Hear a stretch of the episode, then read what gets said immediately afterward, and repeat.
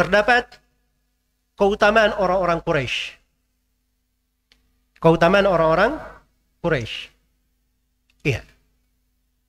Dan keutamaan itu dari sudut nasab itu dihitung kepada keutamaan secara global. Kebanyakan orang-orang Quraisy.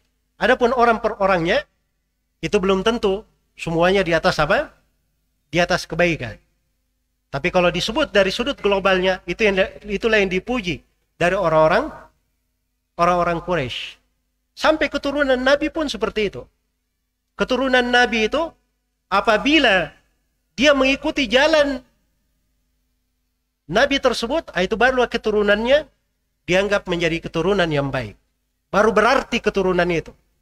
Tapi dia kalau keturunan Nabi tidak mengikuti jalan sang Nabi, maka keturunannya tidak akan bermanfaat. Nasabnya tidak ada gunanya. Karena itu Nabi Nuh alaihi salam meminta supaya anaknya diampuni setelah anaknya tidak ikut masuk ke dalam Islam. Apa Allah tegurkan kepada Nabi Nuh? Innahu laysa min ahlik. Innahu amalun gairu salih. Sungguhnya dia itu bukan dari keluargamu.